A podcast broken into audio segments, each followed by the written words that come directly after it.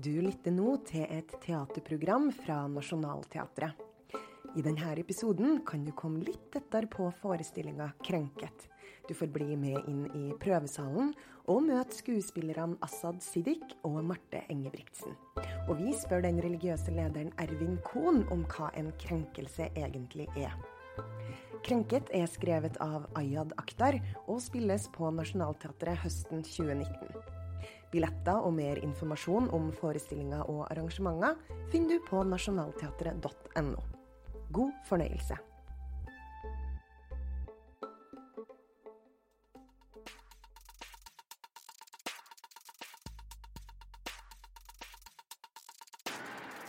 Tenk deg at du er en vellykka advokat. Du har en kjempebra jobb, bor i en lekker leilighet i et dyrt strøk og har en fantastisk samboer. Alt er på stell. Du har full kontroll. Tror du. For du har også en hemmelighet. Du har jugd fordi du jobber sammen med og holdt bakgrunnen din skjult. Og så tar du et valg. Et valg som gjør at alt begynner å rase som et korthus. Det her er historien til Amir, som du møter i stykket 'Krenket'.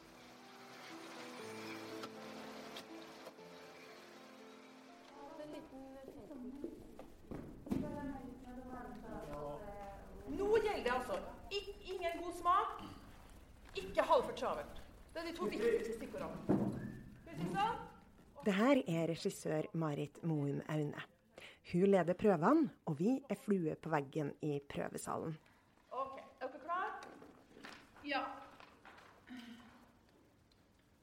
Vær så god. Skal jeg sitte her bare i trusa? Jeg trenger deg bare for livet. Men du syns ikke det er litt rart Ja. at du har lyst til å tegne meg etter å ha sett en, eh, et portrett av en slave? De to skuespillerne du har hørt her, er Asaad Siddik og Marte Engebrigtsen. De spiller rollene som ekteparet Amir og Emily, og utgjør rollegalleriet i Krenket, sammen med skuespillerkollegaen Amina Sevali, Oddgeir Tune og Fabian Tapia Svegård. Da Assad Siddik leste manuset til Krenket første gang, ble han raskt overbevist om at det her var noe han måtte si ja til. første jeg tenkte, at herregud, for en kul type. Altså, Han minner jo veldig om meg, da. Det må jeg ærlig si. så, og så er det noe med at han kan jeg Jeg kan gå god for at han, han kunne ha vært. For det er mange likheter mellom skuespilleren Assad og rollen Amir. Begge er de født av pakistanske foreldre i et vestlig land. De har tatt utdanning, gjort karriere og gifta seg med ikke-pakistanske kvinner. De er det mange vil se på som et kroneksempel på en integrert muslimsk mann. Amir er jo en fyr som har gitt avkall på sin religion og sin kulturelle identitet som uh, pakistaner. Uh, han har på en måte uh, Hva skal man si På norsk så ville man kanskje kalt han for assimilert, ikke integrert. En som på en måte bare har eh, bestemt seg for at han skal skape seg et liv eh, som amerikaner eh, på, på amerikanske premisser. Han har en hvit kone, han har verken noe religiøs praksis eller noe åndelig tilnærming i sitt liv. Han er opptatt av å være en god forretningsmann, og det er han. En drivende dyktig fyr som er på vei virkelig opp i systemet og på vei til å bli partner i det selskapet han jobber for. Men så skjer det ting i løpet av dette stykket som gjør at han blir Altså han, han blir tatt til inntekt for en del ting som han egentlig ikke ønsker. Og det her det er noe Assad kan kjenne seg igjen i. Da han fikk sitt andre barn, en sønn, hadde han allerede ei datter. To ganger hadde han opplevd noe av det største i livet. Etter at sønnen ble født, ble Assad intervjua av et norsk ukeblad, og da han fikk sitatsjekken, kunne han lese overskrifta Hvor det sto at det er så stort å få en sønn. Eh, og isolert sett så, så, var det jo det. Det ville det jo vært for hvem som helst, men, men for veldig mange andre da, så kunne det virke som at jeg kanskje ikke syntes at det var like stas å få en datter, som jeg hadde fått først, men at jeg nå endelig hadde fått en sønn. Og det, det kan godt hende at dette bare var noe som, som ringte som en rød bjelle opp i mitt hode, men, men jeg var ikke villig til å ta den sjansen. Stykket 'Krenket' ble skrevet i 2012 av den amerikanske dramatikeren Ayad Akhtar, som mottok den høythengende Pulitzerprisen for dette stykket. Han har fått mye oppmerksomhet for sin behandling av temaer som islamofobi, fanatisme, rasisme, fordommer og identitet. I, I, stykket er det veldig sentralt en middag, hvor de har på besøk da sine venner Isaac, en uh, hvit jødisk kurator på et kunstmuseum, og Jory, som er en uh, svart afroamerikansk uh, dame, som er både venn og kollega av Amir, som da ender opp med å bli en slags en, en, en, konkurrent av Amir, da, uten at jeg skal røpe for mye. Alle er de representanter for grupper som har blitt marginalisert og krenka opp gjennom historien, men har ulik oppfatning av hvorvidt dette har fått lov til å prege dem og deres liv. Underveis i middagen dukker de her motsetningene opp til overflaten, og betenkte spørsmål blir stilt. Hvorfor har Amir holdt sin muslimske bakgrunn skjult? Er Emilys fascinasjon for islamsk kunst egentlig bare orientalisme og er det vestlige samfunnet naivt eller ekstremt fordomsfullt når det kommer til religion? Og det er her det raser for Amir. Da kommer alt for en dag. Man får på en måte en helt sånn ufiltrert sannhet rundt hans eh, forhold til en del ting. Og det skaper en del utfordringer også overfor de andre. For det er, det er, en del ting som er veldig vanskelig å være ærlig om. Og det er nettopp det han gjør. Han, han, han kommer Han ender opp i en sånn helt uh, utildekket, utilslørt, uh, uh, ærlig fremstilling av en del ting som faktisk viser hvor vanskelig f.eks. religion er. da. For det kan være ganske vanskelig å diskutere religion. Man er redd for å fremstå som intolerant eller dum, eller at man skal krenke noen. Men hva er egentlig en krenkelse? Ja, det er ikke så lett å definere, men, eh, men um, skal vi slå opp? Og dette er jo det vi gjør vet du, i våre dager. Vi bare googler, ikke sant? så kan vi sjekke krenket. Mannen som nå setter seg ned foran datamaskina og taster inn søkeordet 'krenkelse', er Ervin Kohn. Han er forstander i Det mosaiske trossamfunn og andre nestleder i Antirasistisk Senter, som jobber med å bekjempe rasisme og diskriminering. Krenkelse definerer Wikipedia som et begrep som benyttes i bl.a. i juss og statsvitenskap. Overtramp mot denne sonen, altså privatsonen. Psykologisk krenkelse er en eh, reaksjon på stimuli som påvirker subjektets selv- og virkelighetsoppfatning. Det aktiverer affektive størrelser, altså affektive betyr emosjonelle størrelser, som skam, misunnelse, skyld og ydmykelse. Krenkelse ligger ikke i stimuli Oi, oi, oi, dette er vanskelig det. Men skal vi si det at man blir eh, veldig fornærmet? Ydmyket, eh, kanskje, er eh, også da et begrep som er, eh, er, ligger i denne familien. Det er et ord som er blitt veldig mye brukt den siste tida. Og ja. jeg tror det er veldig mange som mener at mange blir veldig lett krenka. Er du enig i det? Ja Det fins de som blir lett krenket. Men de som bebreider andre for at de blir lett krenket, de er gjerne ikke selv offer for noen krenkelser. Så ikke rent sjelden så opplever jeg at uh, man hører argumentet om at såpass må vi tåle, uten at uh, dette 'vi' er nærmere definert. Og den som da sier det, har uh, ofte ikke vært i en posisjon at man må tåle noe som helst. Så man sier gjerne det på vegne av noen andre. Altså såpass må du tåle. Ja. Og hva den enkelte skal tåle, er, er uh, individuelt. Men, men, noen sånne krenkelser er faktisk lovstridige. Altså injurier. Så vi har, jo, vi har jo lover som da er altså injurielovgivning, altså mot ærekrenkelse. Så det er ikke alle slike krenkelser som er innenfor loven. Noen er faktisk utenfor. Ervin Kohn sitter på mye kunnskap om hvordan det er å være minoritet i Norge i dag, og blir derfor invitert inn i prøverommet av regissør Marit Moum Aune for å snakke om akkurat det her. Ja, altså alle har vi bagasje. ikke sant? Den advokaten som da har innvandret med sine foreldre fra Pakistan, han er jo da en minoritet i USA. Kommer fra et majoritetssamfunn, men har da i bagasjen sin at han da kommer fra Pakistan han syns det er litt pinlig, så han sier at han kommer fra India. For å slippe å si at han kommer fra Pakistan. Og så forsøker han å tone ned, for ikke å si innimellom helt eh, skjule, sin muslimske identitet. Så, så, noen muslimer gjør jo også det i Norge, så vi er ikke helt ukjent med det. At vi sier at nei, jeg er ikke muslim lenger, jeg er eksmuslim, og det er jo til og med sånn forening for eksmuslimer og sånn. Uh, med jøder er ikke det så lett, fordi at jøder er både en religion og et folk. Vi jøder var jo faktisk først et folk. Eller det vil si, først var vi en familie. Vi var familien til Abraham, Isak og Jakob. Deretter ble vi et folk, og så en religion. Så når du f.eks. konverterer til jødedommen, så, så, tar du ikke bare eh, på deg alle de religiøse forpliktelsene. Du tar også på deg og blir en del av hele den kollektive historien. Og det er en kollektiv historie med forfølgelse gjennom et par tusen år. Og drøyt, det. Så det er klart, det å legge fra seg den bagasjen, det er ikke så lett. Og det betyr at du faktisk bærer den med deg hele tiden. Den sekken har du med deg. Så, altså det er som å gå med litt sånn, der, litt sånn ømme tær, og så noen ganger så blir de tråkket på. Og eh, de, eh, de tærne er veldig individuelle. altså Noen har veldig såre tær, andre har det ikke. Andre går med vernesko nærmest og lar seg ikke merke med noe. Er vi flinke til å diskutere religion i Norge? Nei, det er vi ikke. Og en grunn til det er at eh, kompetansen er for lav.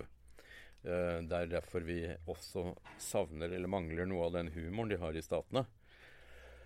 Eh, om, om religion. Eh, apropos krenk. altså Jeg var invitert av Bård Tufte da han arrangerte dette Krenk 2015 på Chateau Neuf. Da skulle man krenke for det man får bare i livet.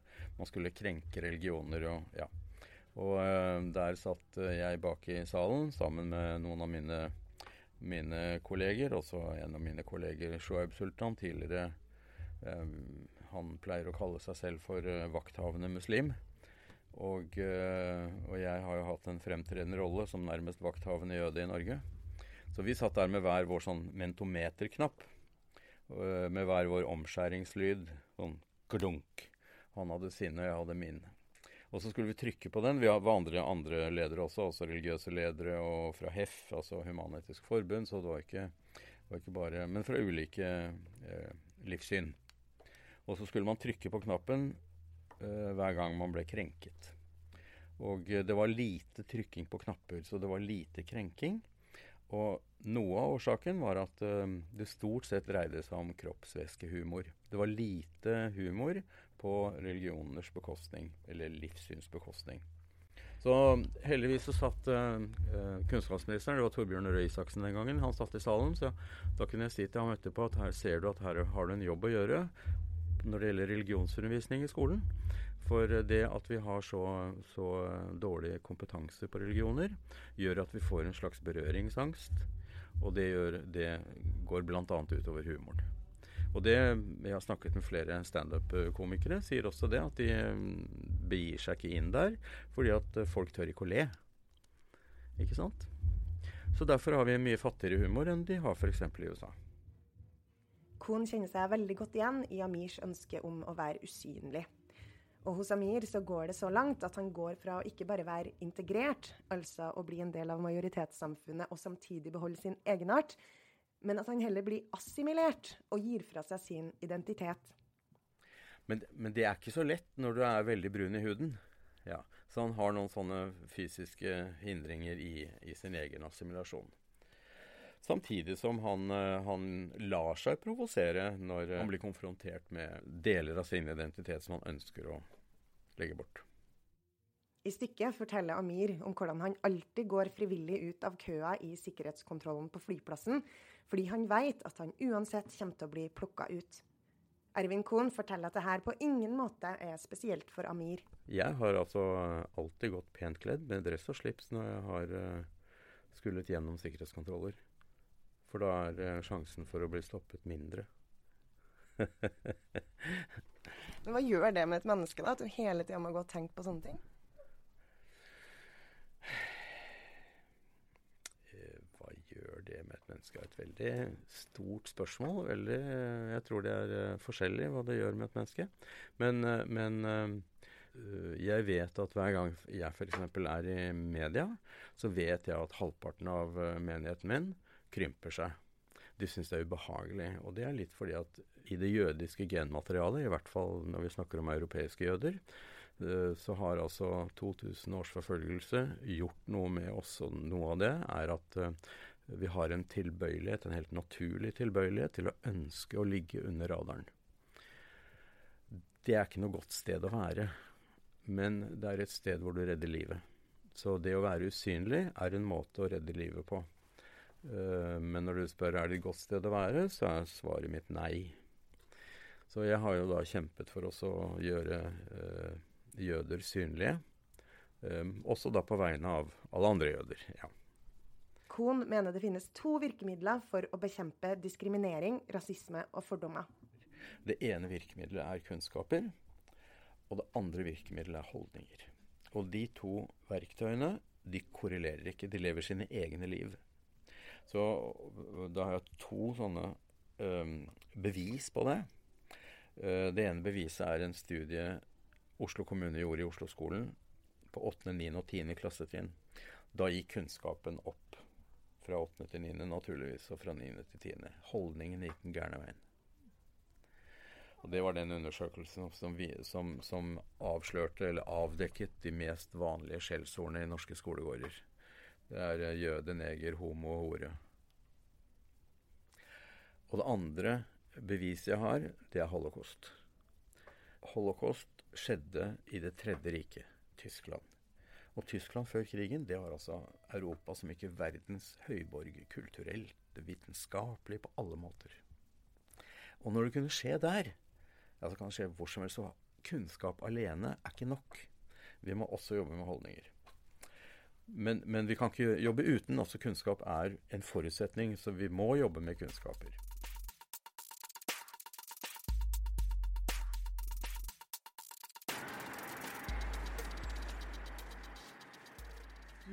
Hussein ville at jeg skulle gå og besøke ham. Det gjorde jeg. Jeg dro, jeg dro for å treffe ham i fengsel. Og mannen brukte en time på å prøve å få meg til å begynne å be igjen. Han har sittet i fengsel i, i, fire måneder, og det eneste han gjør, er å prøve å få Ja, du sa det. Men hva så, da? Vi er tilbake i prøvesalen. Hva er det som er så jævla farlig med det? Hvorfor snakker vi fortsatt om dette? Vi snakker aldri om dette. Vi snakker aldri om dette. Ikke egentlig. Bra jobba, folkens. Jeg sniker meg til en prat med skuespiller Aswad og Marte rett etter siste prøve før sommerferien. Hvordan har det vært å jobbe sammen, dere to? Helt jævlig. Marte er så nydelig, det må jeg bare si. Marte. Det er, eh, jeg er så takknemlig for å ha deg som kone. det er veldig hyggelig å være kona di, altså. Nei da, men det er eh, Nei, likeså. Det er et skikkelig fin Det er veldig fint å jobbe med Assad. Han er jo Selv om han ikke har stått på scenen så mye, så er det veldig erfaren eh, skuespiller. Så det er veldig gøy å være med på den reisen. Men det har ikke bare vært plankekjøring. Mye av prøvene har gått ut på å diskutere stoffet og også problematisere innholdet. Problemet mitt har vel vært litt å skjønne hva det er forfatteren vil med at den intellektuelle på en måte leken de, han holder på med, da, med religion, tvil, tro, identitet, eh, fremmedgjorthet, krenkelse Alle de temaene som han driver og løfler med i den der At det ender opp der det gjør i den skal jeg ikke spoile det, men det ender opp i noe som er veldig brutalt. Er, eh, veld, det er veldig effektfullt, men jeg har liksom ikke enda helt klart å pinpointe hva det er han vil med det. Men det kan være en god ting, fordi kanskje det er det publikum også skal lure på. Hva er det egentlig han vil si noe om her? Og er det er, hvor er det han sparker? Hvem er det, liksom, hva er det han egentlig Det mener jeg fortsatt for meg er en liten sånn eh, som jeg, jeg har ikke helt bestemt jeg, skjønner, jeg har ikke helt forstått det enda. For dramatiker Ayad Akhtar tar virkelig tak i fordommer knytta til religion og identitet i dette stykket. Han utfordrer dem, men han bekrefter også mange av dem. Og det er ikke bare enkelt å forholde seg til. Så man kan bli litt sånn Shit, er dette her Ja, vi må være smarte nok, da. Og at ikke det blir liksom de som lener seg tilbake og tenker ja, nettopp, ja, der kan du se. For det er fort gjort, da. Det er fort gjort, men samtidig så er det noe med å ta bladet fra munnen noen ganger også. Og både adressere en del ting, men ikke minst bare vise virkeligheten. Altså jeg, jeg, jeg mener i hvert fall at jeg kan være med på å verifisere gyldigheten av dette her. Og det tror jeg er viktig at man tør å utforske litt. Men tror du da, mener du da Nei, nå den diskusjonen skal vi ikke ta nå. Nei, For jeg mener jo at det handler om krenkelse, og ikke om den muslimske mannen. Og det er jeg enig i, men samtidig så er det noe med å, kunne snakke om ting uten at det skal være farlig. Ja, ja. Det er det, det, er det han gjør. ikke sant? Ja, det han og, åpner det rommet. Og den ærligheten er veldig vanskelig å, ja. å stå for i både det offentlige rom, men ikke minst du skal vite hvem du snakker med. Ja, og det er jo nettopp dette kammerspillet her, hvor man har en gjeng som ha, altså, de, de kommer eh, inn på en del ting som er veldig sårt og vanskelig. Mm. Eh, og, og, vanskelig å forvalte. Og jeg opplever at eh, man trenger den Altså man trenger å se den dynamikken. Man trenger å forstå hvor de forskjellige tingene ja, kommer fra, og hvordan man forholder seg til det på hver sin kant. Da, og, og, hvordan krenkelser kan oppleves annerledes. og ut fra hvem man er og man, hvilken gruppe man representerer. Helt klart, altså, Jeg er helt enig med deg. Og det er det som er, det er da det stykket her Det er da det treffer, og det er da det er bra. Det er bare liksom, det er, et, et, det er liksom Man balanserer på en knivsegg, så mm. vi må bare Så jeg er helt enig med deg. Og jeg misforstår meg, dette handler jo absolutt om den muslimske mannen òg. Mm. Og det er jo det som er uh, gøy med det, er at han våger nettopp å oppfylle den stereotypien. Det som er så er det liksom opp til oss og publikum hvordan vi tar det imot, da. Mm. Og hvordan det blir, får vi vite 31.8, når Krenket har norgespremiere på Hovedscenen. Men først skal produksjonen ha en velfortjent sommerferie. God ferie. God, ferie. God sommer. God ferie. Takk. Er du fornøyd med innsatsen deres i dag? Ja, det var veldig spesielt, altså. Det var det. Veldig spennende. Eh, liksom, plutselig så var det ikke dem som sto på scenen. Det var kanskje det vi lette etter i sånn psykologisk realisme. Mm. At det er liksom dem, men samtidig så representerer de noen andre. da. Så det var veldig spennende. Men vi, har, vi, er, vi er, bare halvveis, altså. Ja. Vi skal være skikkelig harde med hverandre nå. Mm. Det er bare å manne seg opp i sommer. Ja. Forberede seg på å bli krenket. det er sånn skuespillerens liv. Det er en krenkelse.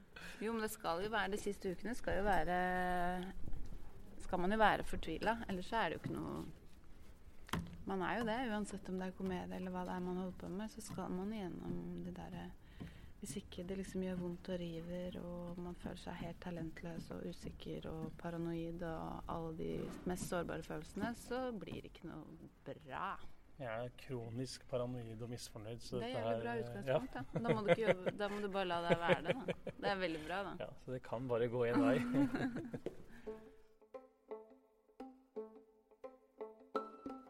Takk for at du hørte på et teaterprogram fra Nationaltheatret.